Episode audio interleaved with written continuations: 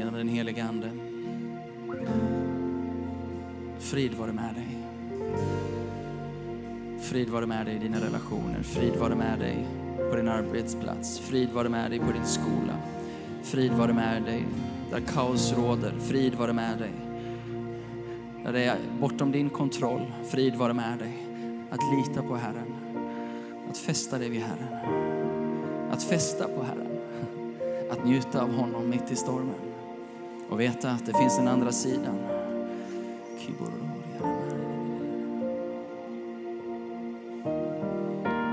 Tack Jesus.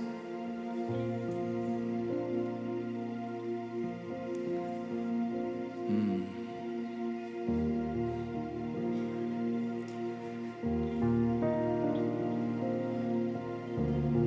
Vi är en eh, tillbedjande församling och det som sker nu det är det vi älskar mest tror jag. Att få komma inför Gud och söka honom, tillbe honom, be till honom. Jesus sa att låt mitt hus vara ett bönens hus för alla folk.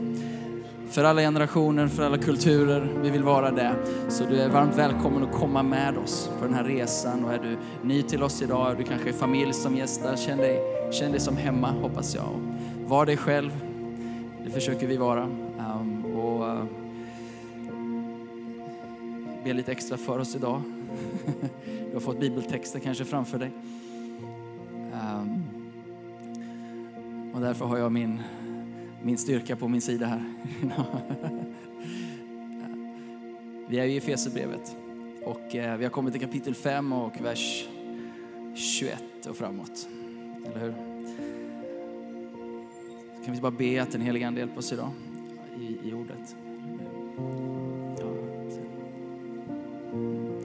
Vi tackar dig Gud för ditt ord idag, att det är levande och verksamt och att det har kraft att åtskilja lögn från sanning och sanning från lögn. Tack att i ditt ord så är det inte vår begränsning som ligger utan vår frihet. Tack att genom ditt ord så lär vi känna dig, oss själva och den värld som du har satt oss att leva i, Herre. Så vi ber igen, helige Ande, öppna ditt ord för oss den här söndagen. I Jesu namn. Varsågod och sitt ner. Innan vi går in i ordet så skulle jag vilja eh, få presentera två vänner för oss, till oss, för oss. Eh, vänner till oss. Grace and Lincoln, would you please come? Uh, uh, greet them, please. Yes, give them an applause. Um, good friends from London, uh, whom we got to know through Wilberforce. Uh, well, originally you're from Uganda, so there are a lot of bonds here. So, um, uh, you, do you, you, you hear me in, through the interpretation? Okay. Så det här är Grace och Lincoln från London som är goda vänner till oss. Och genom Wilberforce är de också från Uganda så vi har många gemensamma vänner. Just say a word or two to the church please. Since I've got my husband here with me, I'll let him do the talking. But it's great to be here, and we feel like we're part of family. So, good morning, and may God bless you. Greetings from our church, Liberty Christian Fellowship in London. We, we feel really connected to Sweden. Uh, we've been in Europe for 31 years now. Actually, next year we're celebrating 30 years in marriage.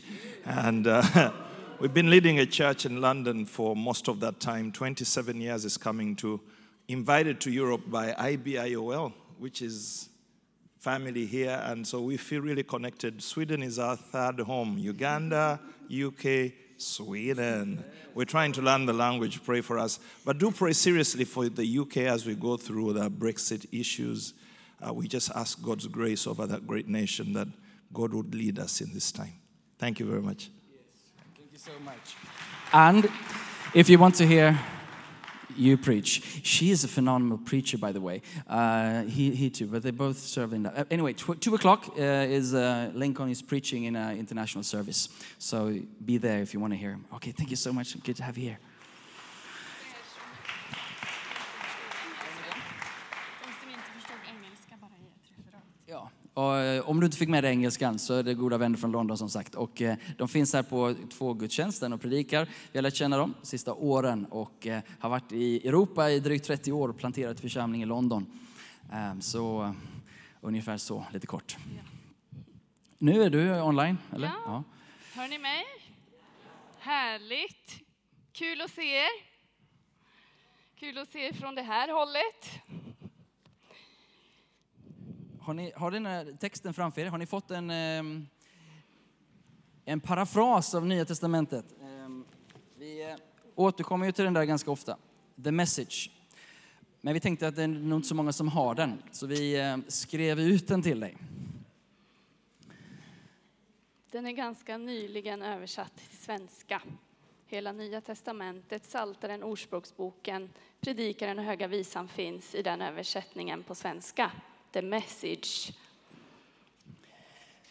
Och eh, att di- dialogpredika som det blir idag är ju definitivt inte något enkelt. Så bear with us, be för oss just nu. Texten vi har är ju eh, inte heller helt enkelt, men eh, det kommer bli väldigt bra tror vi, hoppas vi. Ja. Det är därför jag har med mig Therese så blir det ordning på det här. Amen. Så mer, mer kärlek i, idag. Om, om det är någonting du tar med dig av, av eh, predikan idag, så tänk kärlek. Hör och lyssna genom kärlek. Mindre av eh, smärta, tvång och jobbigt. Mer kärlek. Det är fokus, det är början, det är slut, det är också innehållet. Och vi har varit i eh, Efesierbrevet som sagt, kapitel 1-3, som har målat storheten i evangelium för oss. Hur Gud utvalde oss att bli Guds barn, hans älskade barn. Och vi har just fokus på det, att lära känna Jesu Kristi kärlek. Ehm, det är grunden, det är det Paulus målar stort och brett. Ehm, och sen har vi varit inne i kapitel 4, när det för oss samman i en enhet. Eh, att vi är ett, om du går i din bibel, kapitel 4, att vi är tillsammans, vi har en tro, en fader och ett, ett dop och hela den biten. Och så växer det fram i en mångfald av gåvor och tjänster ehm, som eh, vi får längta efter och i den mångfalden söka enhet. Vi kom sen till kapitel 5 och vi pratade, Paulus pratade om den gamla och nya människan förra söndagen. Ehm, där vi ser liksom hela livet, hur det blir om vi ställer oss i det gamla sättet att leva på. Och en inbjudan till att leva det nya livet i Kristus.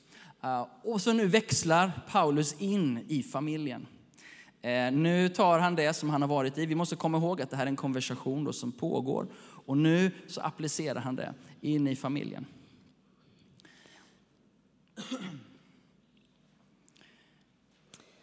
Ja.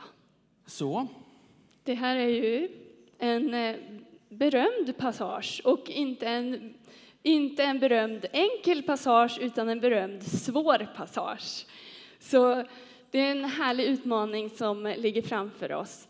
Eh, och i de här förberedelserna under veckan, Paul frågade mig då för någon vecka sedan, det har varit förberedelser eh, som har inneburit många djupa samtal, läst många olika bibelöversättningar. Det har varit skratt, eh, nästan tårar. Ehm, det har varit eh, också lite nöd i hjärtat, kliat mig, slitit lite i mitt hår, känt lite frustration. Eh, men jag har också fått bottna och känna mycket glädje. Mycket glädje. Och det känns gott att få ta avstamp i det. Det känns gott att få tala ut, för det här passagen handlar ju om dels om alla medmänskliga relationer, oss alla emellan. Men sen så kommer det ju in och handlar om äktenskapet och det handlar om man och hustru. Så jag har fått känna efter mycket hur det är att få vara kvinna, hur det är att vara fru, hur det är att vara människa. För vi är ju mer än man och kvinna, vi är ju människor, eller hur? Sen är vi män, kvinnor, män, hustrur. Eh, och jag har känt att jag har fått landa och uppleva och påminnas om vilken glädje det är att få vara kvinna. Är det fler kvinnor här än mig idag? Kan jag få se några händer, känna lite systerskap? Härligt. Det är fantastiskt att vara kvinna. det är fantastiskt att vara kvinna. Och det är tänkt och skapat. Vi är skapade övermåttan underbara, men också alla människor. Men kvinnan, vi, vi är skapade övermåttan underbart. Amen. Psalm 139 och 14. Eller hur? Eh, För det, och det är kopplat till den här texten. Att den gärna, för vi har- underordna er era män liksom. Och så bara sätter det sig ganska enkelt en klump i magen i konversationen. Kanske andra inte alls känner så. Ehm, men det finns en hel del historia. Eh, det finns en hel del sår, en hel del eh, svårigheter som bara blossar upp. Och, och ska vi vara ärliga i vår process också, att liksom hitta, vi, jag, jag, om jag talar för oss lite, så upplever jag inte en stor issue i vardagen. Alltså vi hittar varandra, vi kommunicerar och hittar en väg. Men, men ändå, när vi är hyfsat trygga i det och om, om vi har lite olikheter så försöker vi hitta en väg. Men när vi kommer till bibeltexten och, och Paulus säger till henne på det, det språket så, så far det med sig någonting även för dig, eller hur? Ja, visst. Underordna dig mig. Alltså, Vad betyder det? vad betyder det? Och hur ser det ut? Och vad, och vad betyder det egentligen? Vad står det egentligen?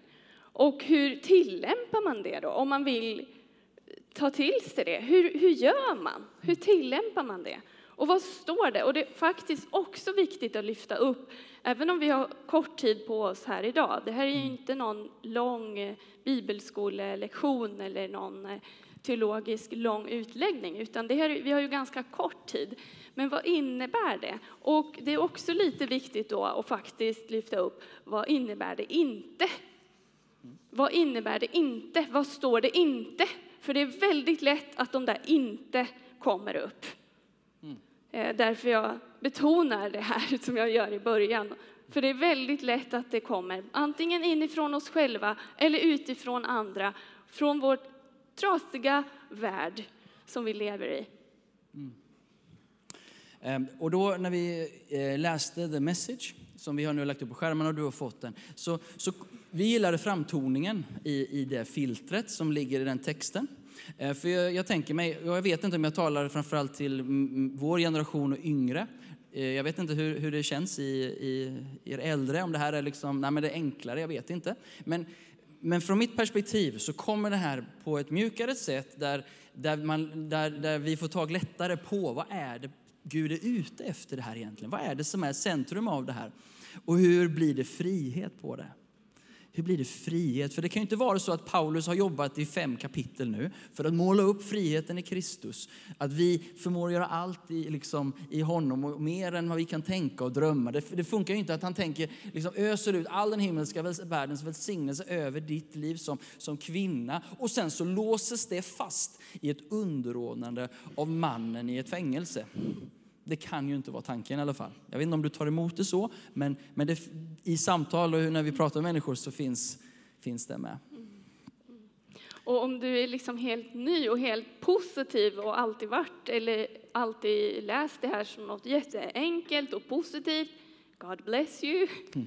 Om du är helt ny i det här och, och, och, och öppen och tycker det är nytt, fantastiskt.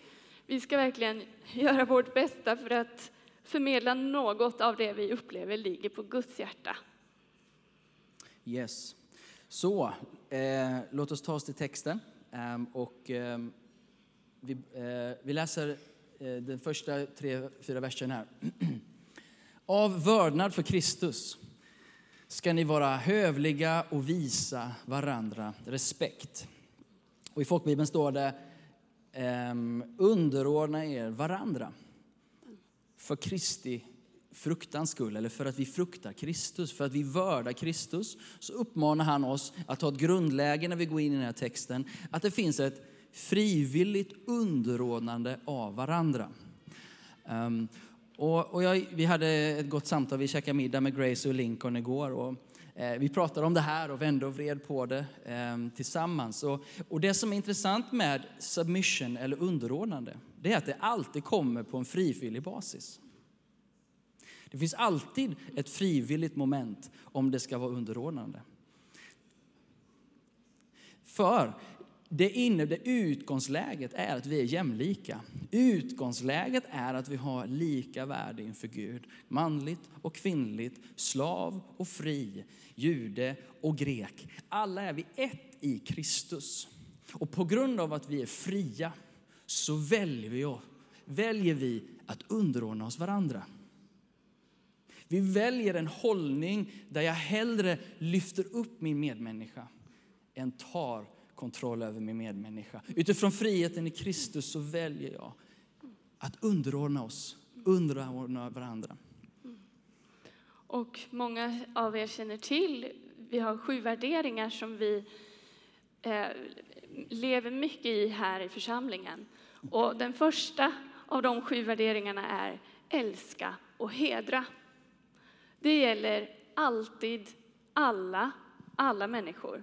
Så du som sitter här idag och inte är i ett äktenskap, älska och hedra. Du får ta emot kärlek och heder. Du får ge kärlek och heder. Så vår grundhållning är där, att vi väljer, och det här om vi backar det till kapitel 4, så handlar det om att Gud har insatt gåvor i församlingen till exempel. Apostolisk, profetisk, evangelistisk, herde och lärargåva. Om vi inte lär oss att underordna oss varandra och frigör varandra vad vi har fått att ge. Utan om jag då som är föreståndare och pastor alltid ska ha det sista ordet, alltid vara den som vet bäst eller har mest. Det vet vi att det är inte fallet oavsett. Men om jag skulle ha den självförståelsen, hänger ni med? Vad, vad fattigt det skulle bli. Vad fattigt det skulle bli i rummet om vi inte fanns en, ett underordnade av varandra. underordnade av oss varandra vad vi har fått i Kristus. Hänger ni med? Där ligger ett mottagande som vi frivilligt ger. Och ni som har barn eller jobbar med barn, ni vet hur mycket tid det går åt till att hjälpa varandra att turas om. Eller hur? Vänta på sin tur, turas om. En i taget. Inte alla tre springa och tvätta händerna i handfatet samtidigt. Nej, okej, det finns två handfat, men vi turas om. Vi hjälps åt. Vi delar med oss. Och det gäller ju inte bara barn, det gäller ju hela vägen. Det gäller ju oss vuxna också. Och en sista sak om detta också, att um, när Paulus säger det här så står det inte underordna varandra um, i betydelsen bestäm över varandra. Eller hur? Det, det blir orimligt, det är liksom språkligt så funkar inte det. Va? Bestäm över varandra. Lyd varandra. Alltså uppmaningen ligger inte i det, i det spåret. Det handlar inte om vem som kan ta makt eller vem som kan kontrollera, utan det är något annat, en annan dynamik som, som Paulus är ute efter, som han lägger grunden i relation till, där jag får välja att underordna mig Pekka i där han har sin styrka. Det som han har fått från Gud att ge till mig. Om inte jag väljer att underordna mig honom, då kan jag inte heller ta emot från honom. Det finns ett mottagande som ligger i att jag igenkänner vad någon annan har fått från Kristus. I vördnad för Kristus, i vördnad för det han har bestämt, hans rådslut, sitt sätt att bygga det, så väljer jag mig att underordna mig. Måste jag? Nej, jag kan vara stark och störst själv. Men jag kan välja att underordna mig. Så, så med den grunden så går Paulus vidare in och pratar om familjen. Um, och mm. en viktig sak också, ett inte, som det inte står i den här passagen som kommer nu, det är att det inte står så här att alla kvinnor alltid, oavsett, ska alltid underordna sig alla män. Utan det här talar Paulus om äktenskapet, om den som är gift, de som är gifta, män och hustrur. Hur äktenskapet är konstruerat, hur det är byggt, hur det är designat, hur det är tänkt. Yes. En, en bakgrundsförståelse eh, till texten är också att vi, det samhälle som Paulus skriver till Efeserna så fanns det här storhushållet. Och det är också då varför han berör manligt och kvinnligt, relationen till barnen och relationen till slavarna. För den eh, romerska, eh, hur det såg ut i städerna var de här storhushållen och därför höll, där finns alla de här ordningarna eller typer av relationer. Så varför han plockar ut det här är väldigt tydligt för dem. Men vi har ju en helt annan samhällsstruktur. Om man, till vissa länder så kanske det fortfarande ser ut så, om vi backar tiden i, eh, i Sverige, så fanns storgårdar och där hade man hela den här dynamiken. Idag ser det annorlunda ut.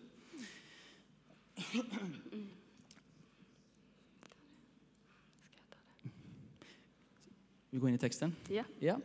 Ehm, och då kommer vi till det här. Ni som hustrur, ha förståelse för era män och stötta dem. Det låter väl gott. Eh, stötta dem. Det, jag, när jag läste det här så eh, flinade jag lite. Ja, ha förståelse för männen. Det är liksom inte lätt att vara man hela vägen. Vi behöver ett mycket stöttning, mycket värme och ömhet. Så däng dem med elementet lite nu och då så de blir både ömma och varma.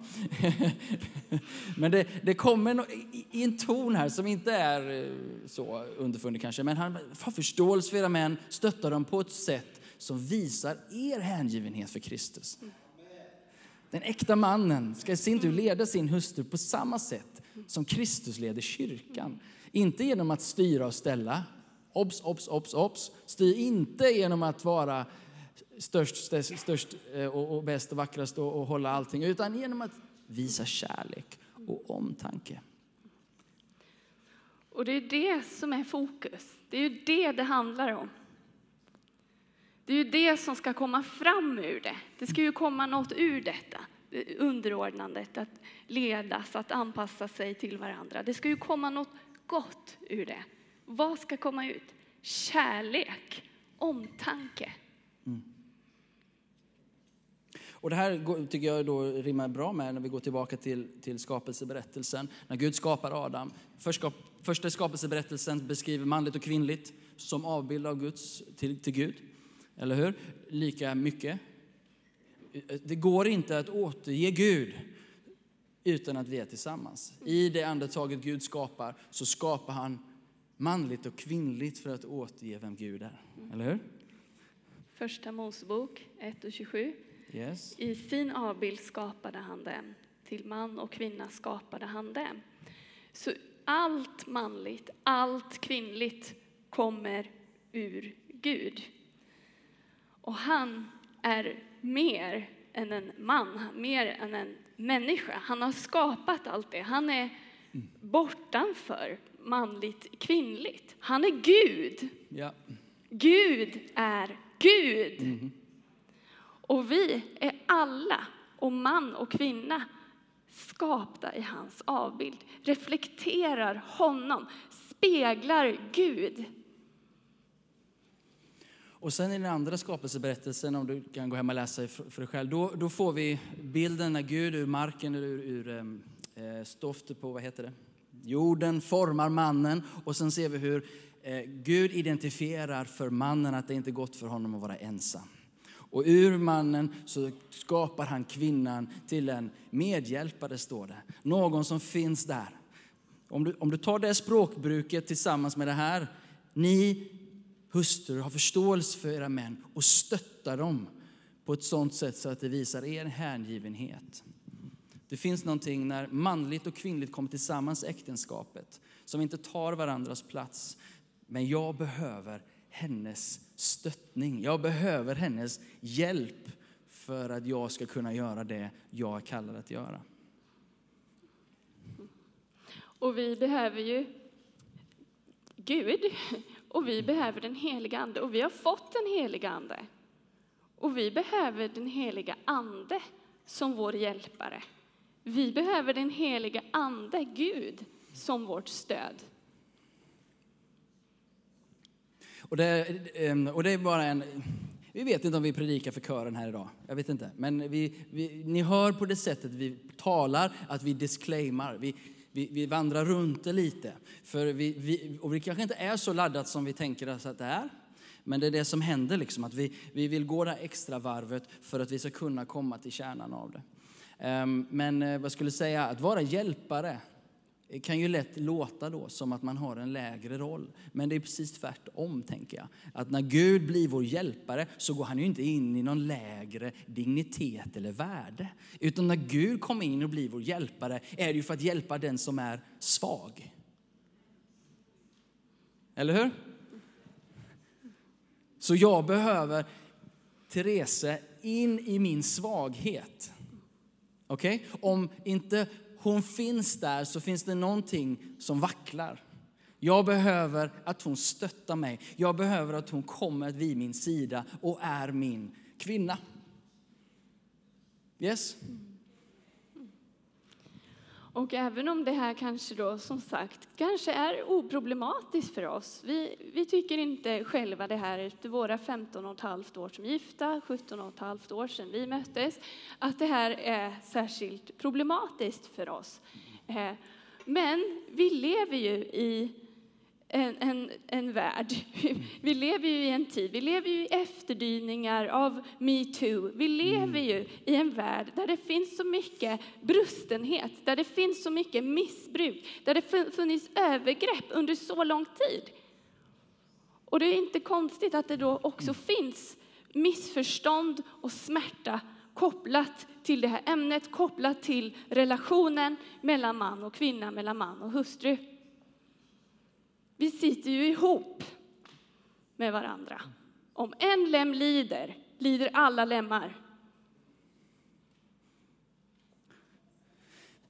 Så som jag tar texten här, lite personligt. För att jag, vi, vi kan inte liksom lägga den här långa, långa bibeltextutläggningen. Men, men så som jag läser in det i mitt liv så hör jag Gud tala till mig och säga Therese, till, till mig, led Therese, om vi bara tar det här, genom att visa henne samma typ av kärlek och omtanke som Kristus visar för församlingen. Om jag går in och visar den typen av kärlek som lägger ner sitt liv så som Kristus la ner sitt liv. Det är mitt uppdrag. Det är det jag vill ge till henne. Det är det jag vill ösa över henne. Det är det jag vill tala in i hennes liv varje dag.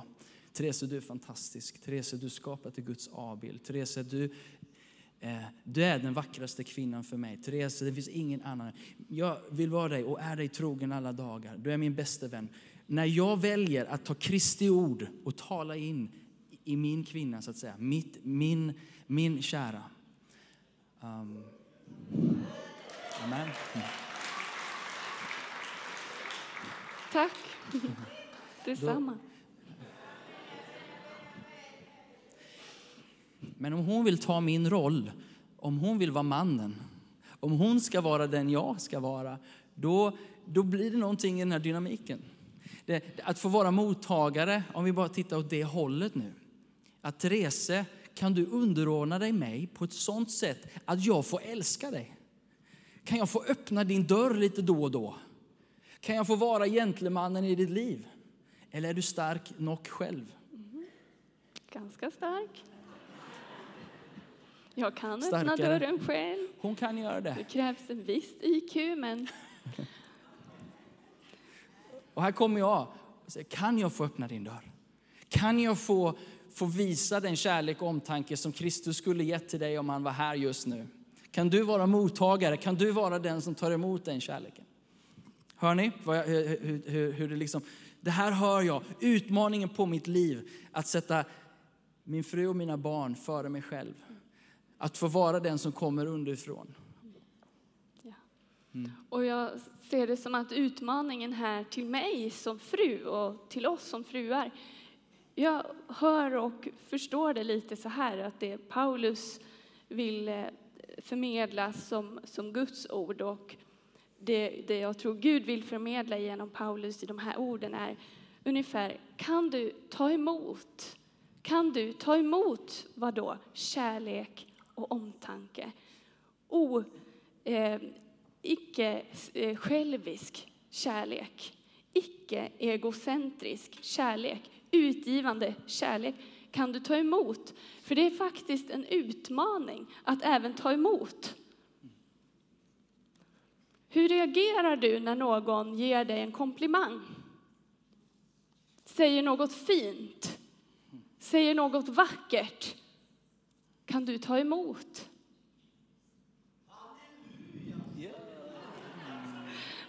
Bra.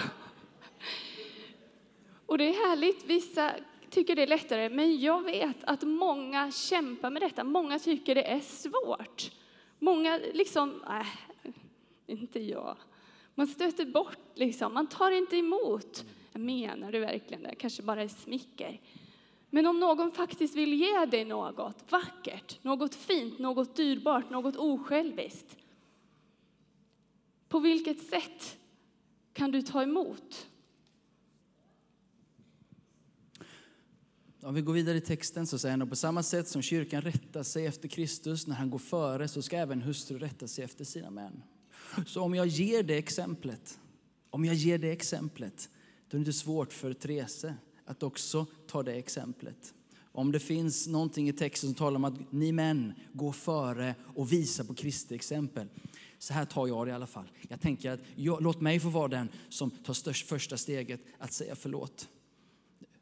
Det är inte som att jag har ett större ansvar kanske i, i, egentligen på, på mellanmänsklig. Men jag tänker så låt mig få vara den som först väljer att lägga ner mitt liv. Att kanske det är så att det finns en nåd ifrån Kristus för mannen. Utvärdera här sen. Kanske det är så att det finns en nåd i att frukta Herren. Att han också ger oss män, Bernt. Att du och jag, vi får ta steget först. Att vi, vi ödmjukar oss först. Jag vet inte om det är så här, om det är det här han menar, men jag tar det på det sättet. Låt mig få vara den som går den extra milen. Låt mig få använda lite mer muskelstyrka och bära de där kassarna. Jag vet inte vad det handlar om i ditt äktenskap, men jag tänker att om vi män väljer att tjäna våra hustrur, om vi män lägger ner våra liv för våra hustrur, om vi ser på guldet i dem och vi säger, jag vill vara din man. Jag vill tjäna dig. Jag vill älska dig så som Kristus älskar församlingen. Jag vill försaka mig själv. Jag vill inte se på min egen bekvämlighet framför soffan. Älskling, kan du hämta? Utan jag väljer att gå. Fru, vad vill du ha idag, kär? Du vet, man väljer att ta den tjänande rollen. Får jag vara den mannen i ditt liv? Kan du underordna dig? Kan du, kan du ta emot den typen av kärlek? Ja, det kan jag.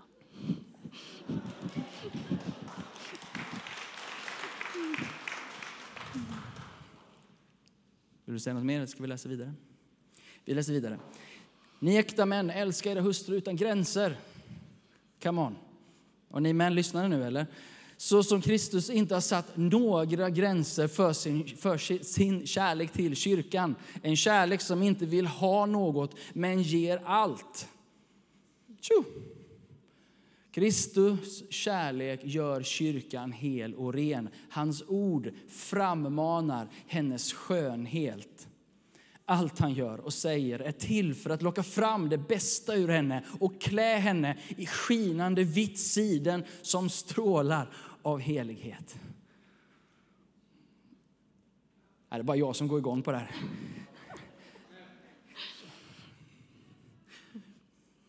Jag tänker, jag tänker så här. Jag mötte en man som heter Alan Scott. Eh, som, som eh, nu bor han i USA, i Anaheim, men han var på New Wine-konferensen.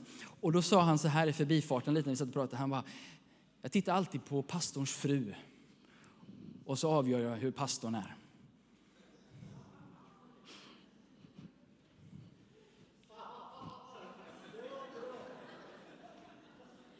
Och jag tänker inte så dumt. Så jag hälsar på er. Hej Kurt. Hej Agneta. Och så tittar jag, hur mår Agneta? Säger mycket om Kurt.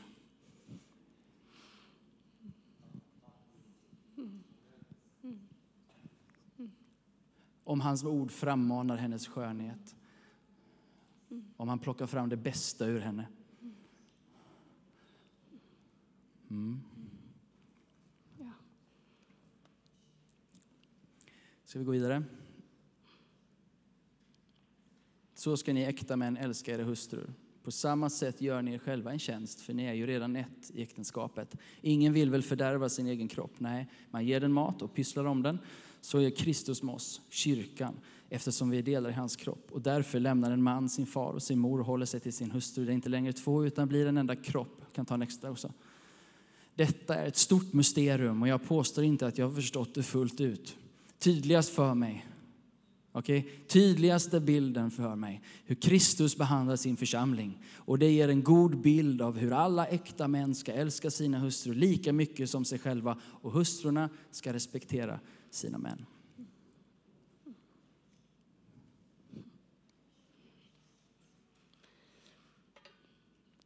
Så vi är ju en enhet. Vi sitter ju ihop. Vi sitter ju ihop. Vi är ett, alla ett i Kristus. Och samma man säger ju det, Paulus, att vi, det finns inte i Kristus man och kvinna, jude, grek, slav eller fri. Och, och, och, och likväl så finns det förhållningssätt, hur vi förhåller oss till varandra.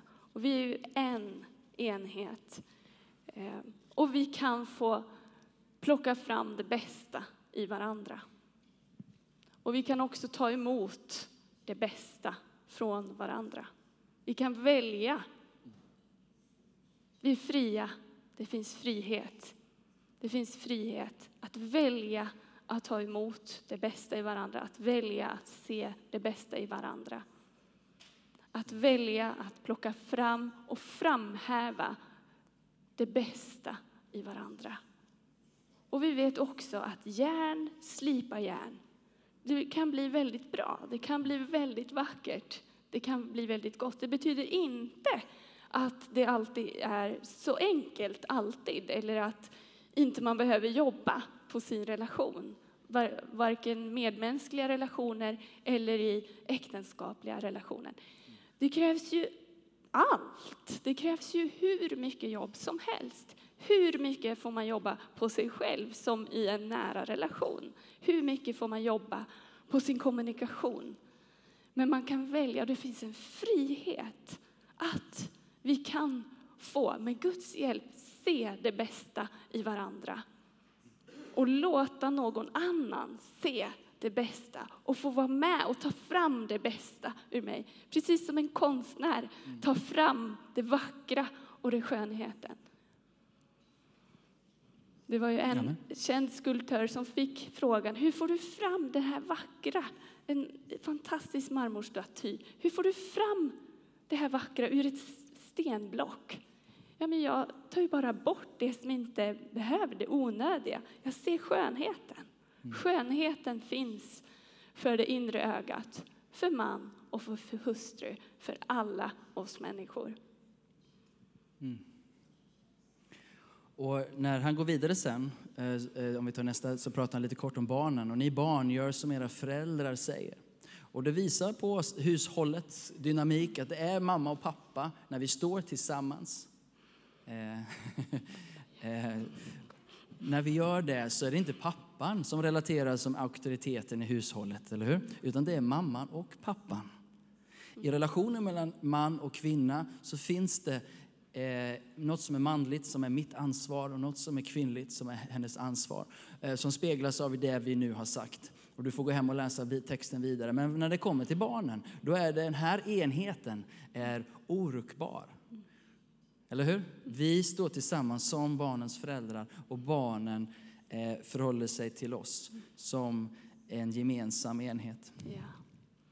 Så det är det som Paulus säger till barnen och som Gud talar till barnen, till pojkar, flickor, killar, tjejer, söner, söner, döttrar. Hedra, respektera, älska och hedra er mor och er far. Och det är också ett bud, och det är det första budet som har ett löfte att du ska få leva länge i landet, att det ska gå dig väl. Så um, hur det kan se ut, eh, för några veckor sedan så eh, var det en konferens här. Vi hade en, en gäst från, också från Uganda, John Melinda, och han glömde sin väska här. Eh, efter konferensen, han skulle fara vidare till, till Norge. Och då så hade alla hans förberedelser, och, och jag tror vi berättade det, att Therese åkte iväg. Eh, för han hade dator, iPad, allt ja. han skulle predika och undervisa hela helgen i Norge i sin ryggsäck som var kvar på Arlanda Express. Och Therese hon sa, ja men jag kan åka till Norge med den där väskan. Nej, nej kom igen nu liksom. Vi, det är så mycket runt omkring oss. Och så händer en sån här vardagssituation där, man, där olika behov måste funderas igenom. Man måste hitta varandra i kommunikationen. Lyssna på så många olika plan. Vad gör Gud i det här? Är det Gud på något sätt som händer? Eller är det vi själva som händer? Och vad handlar det om att bara gå den extra milen? Och det är tusen olika processer som vi möts. Och min första instinktiva hållning, vet ni vad den är? Det är att skydda henne. Jag tänker inte på John Melinder där. I'm sorry to say. Bless Melinda. But, men för mig så är den här kvinnan viktigare än John Melinda. Min roll går in som man, tänker jag. Bara, okay, vad är bäst för Therese och vad är bäst för oss som familj just nu? Och sen så se vilka resurser vi har, vad tid vi har. Får vi in det här? Och så lyssnar jag på ett plan till. För Therese uppfattar att Gud gör någonting. Och plötsligt så finns det en, en till dynamik i samtalet. Och där jag är van, jag vet att när Therese uppfattar någonting, att Gud gör på olika sätt, då har jag väldigt respekt för det. För hon är ofta urskiljande i de sakerna. Så jag har lärt mig med tid, alla gubbar, okej? Vi lyssnar in våra fruar och våra så, för vi, vi hör Herren genom det om vi har ett litet mjukt hjärta i de situationerna. Min inställning var, åk inte, för jag vill skydda dig. Men så börjar samtalet gå vidare och så uppfattar vi tillsammans i det, ja men det är nog Gud som is setting us up for something. Liksom. Det är Gud som håller på och gör någonting. Så, och då får jag vara med och säga, klart jag välsignar dig till att åka. Om du har det i ditt hjärta, vi löser det liksom. Och så, fick, eh, och så, och så drog du iväg och blev jättevälsignad av det. Och jag blir ju väldigt tacksam för jag, jag tycker inte det är kul att åka om han inte tycker det, om han inte vill det, om han tycker det är en dålig idé, om det är ett dåligt förslag, om det ställer till det, om det är jätteopraktiskt, om det är jättedåligt. Det känns inte så kul. Jag känner inte någon glädje i hjärtat eller någon frid att liksom gå i ett beslut och bara känna, men, men Paul tycker verkligen inte detta. Nej, men låt oss hitta då. Låt oss hitta tillsammans och lyssna in varandra. Och självklart vill jag lyssna in min man utifrån hans kärlek och omtanke om mig. Och jag tänker mig kanske att det är omvänt också, om det är så att jag upplever att jag ska åka på en resa. Och det är klart att jag vill ha med mig min fru i tanken på att jag ska åka. Så det fungerar alla gånger omvänt också. Eh, Men det finns någonting av- av det här att, att vilken hållning eh, som vi som män åtminstone, som jag uppfattar texten, ta den ställningen för min fru. Om det behövs, i alla fall i mig fungerar det så här, så är jag gärna den som tar smällen för min fru. Jag tar gärna skiten för min fru. Jag tar gärna... Jag vet inte, det bara ligger i mig.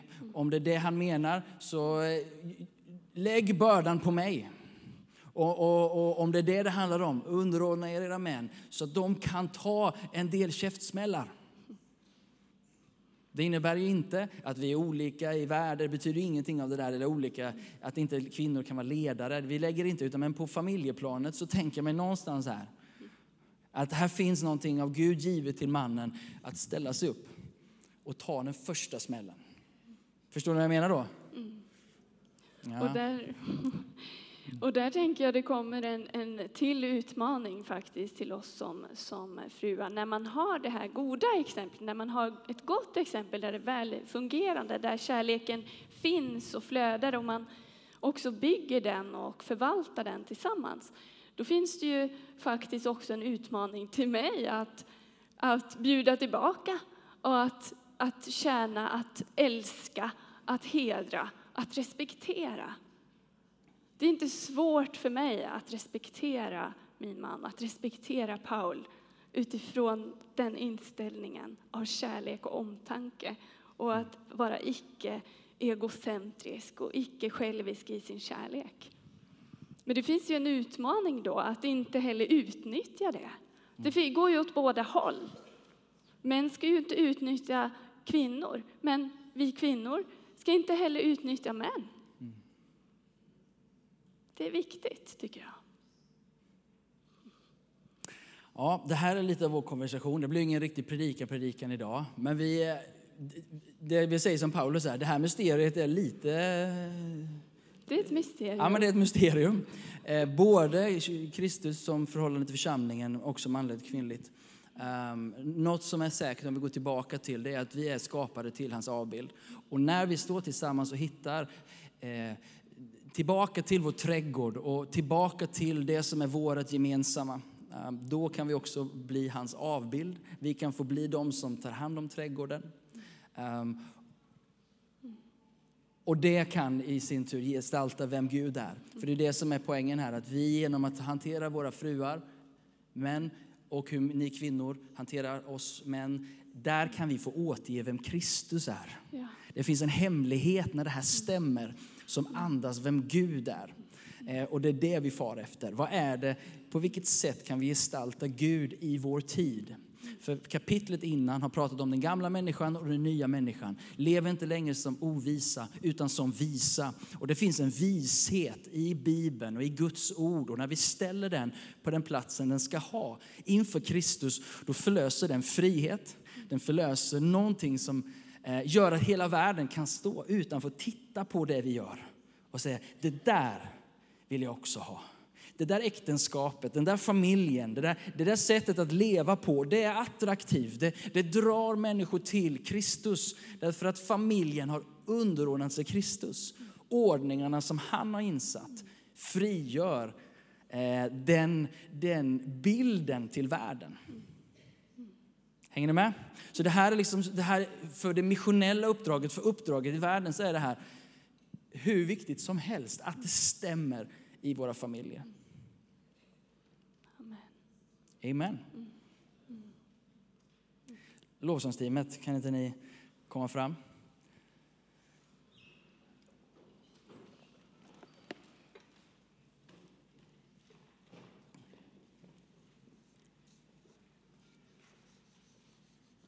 Hade du lite kunskapens ord också?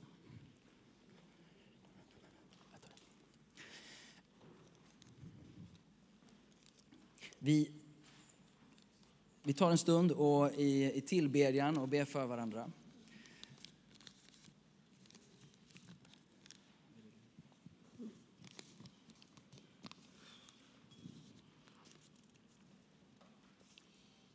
Vi ska ha en stund i lovsång och sen i förbön. Och vi ska få ta tillfället att få söka Gud och bjuda in honom i, i det här området och i, i vårt hjärta, i våra tankar och i vårt förhållningssätt till honom och till varandra. Vi ska få bjuda in honom, få bjuda in den heliga Ande att få verka, att få göra det han vill göra. Och, och du som har funnit, ähm, levt i kanske en osund relation ähm, där det här manliga har missbrukats eller det, kvinnliga har, um, har skadat dig som man. äh, så tror vi att evangelium upprättar och helar det som är brustet i våra liv. Ehm, och eh, därför så är kyrkan inte en plats för dem som uh, har det käckt tillsammans utan vi tror att Guds hus, församling, är en plats där vi kommer och vi får uppleva upprättelse.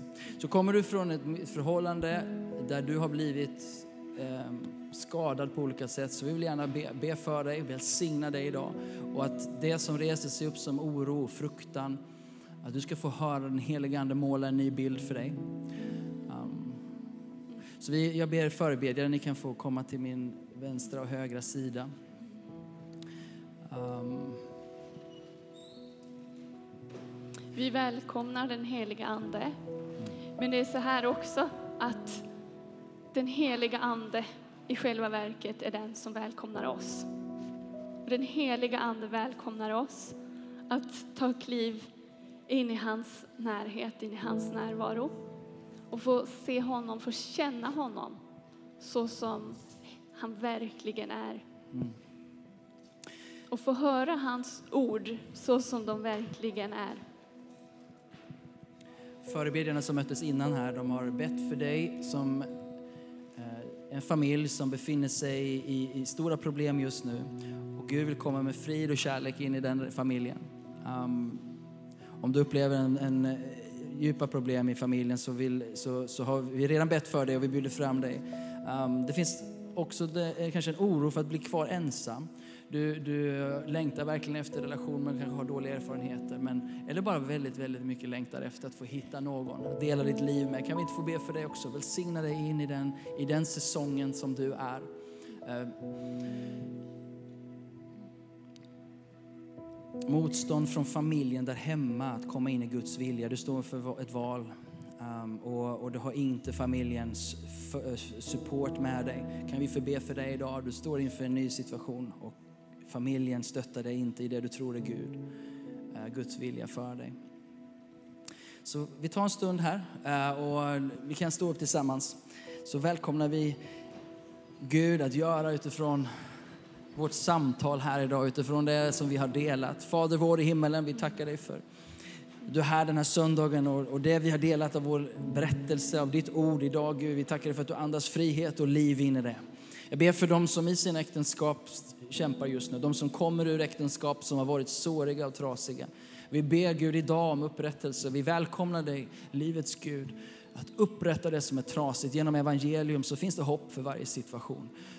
Vi tackar dig för det hoppet idag, att det får tränga igenom mörker, att det får öppna upp nya vidder, ny horisont för den som är tyngd och den som inte ser. Så kom heligande. Kom heligande.